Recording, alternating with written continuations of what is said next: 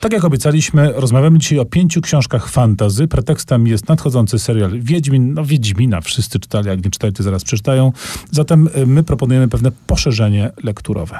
I zaczniemy od autorów, którzy to autorzy, które to książki były rekomendowane przez samego Andrzeja Sapkowskiego. Pierwsza z nich to absolutny klasyk Mgły Avalonu Mary Zimmer Bradley, a więc taka feministyczna wersja baśni arturiańskich.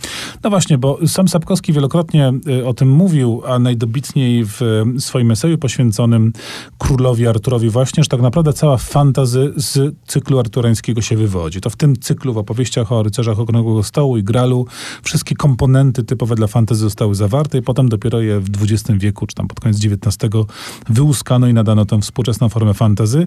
Mgły Avalonu rzeczywiście pokazują, że cykl arturiański ma się świetnie i on wciąż jest aktualny, y, y, żywy i inspirujący, bo to, co robi Zimmer Bradley jest ogromnie interesujące. To faktycznie, tak jak powiedziałeś, jest feministyczna wersja w tym sensie, że to kobiety są na planie pierwszym, ale tam się dzieje znacznie więcej, to znaczy odwrócone, zostaje, y, odwrócone zostają znaki pozytywne i negatywne, czyli ci, którzy w tradycyjnej wersji tej legendy są postaciami szemranymi podejrzanymi, jak choćby Morgana Le czy towarzyszące je różnego rodzaju wiedźmy, inne osoby związane z kultami pogańskimi.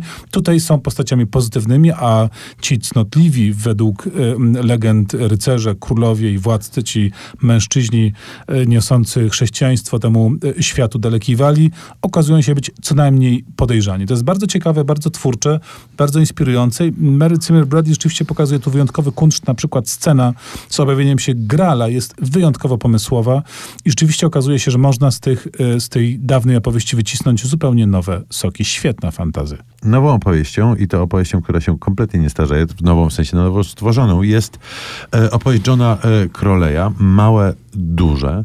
To jest e, Chociaż książka... tak naprawdę książka jest duża, bardziej niż mała. Duża, to prawda. To jest książka, która znalazła się nie tylko na liście Andrzeja Sapkowskiego, ale również na liście Harolda Bluma. To jest taki amerykański odpowiednik Marianion, myślę, który stworzył swoją listę rekomendacji w ogóle, taki kanon Bluma, od początku piśmiennictwa aż po dziś. No tak, Blum się z Sapkowskim zgadzałem, to nic nie pozostaje, tylko czytać. Tylko czytać. Jest to absolutnie fantastyczna książka, która mm, opowiada o świecie, który funkcjonuje tuż obok nas. W tym świecie funkcjonują też nasi znajomi, e, nasi znajomi, którzy nawet zostają naszymi żonami, bo oto główny bohater trafia na e, ślub. Trafia to e, dużo powiedziane, on tam musi dotrzeć, dotrzeć za pomocą bardzo, powiedzielibyśmy dziś, analogowych sposobów docierania na ślub, to znaczy na piechotę w mm, specjalnie przygotowanym e, e, i on właśnie wkracza w rodzinę, która funkcjonuje na przecięciu, na przecięciu dwóch światów, tego naszego i tego nie naszego, który składa się właśnie z różnych, no jakby to powiedzieć, magicznych stworzeń.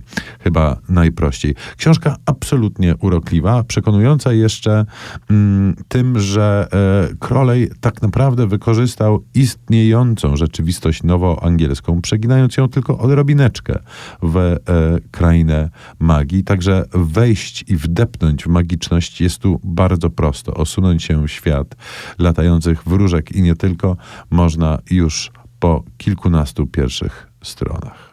No a do książek fantazy rekomendowanych bądź nie przez Andrzeja Sapkowskiego wrócimy po krótkiej muzycznej przerwie.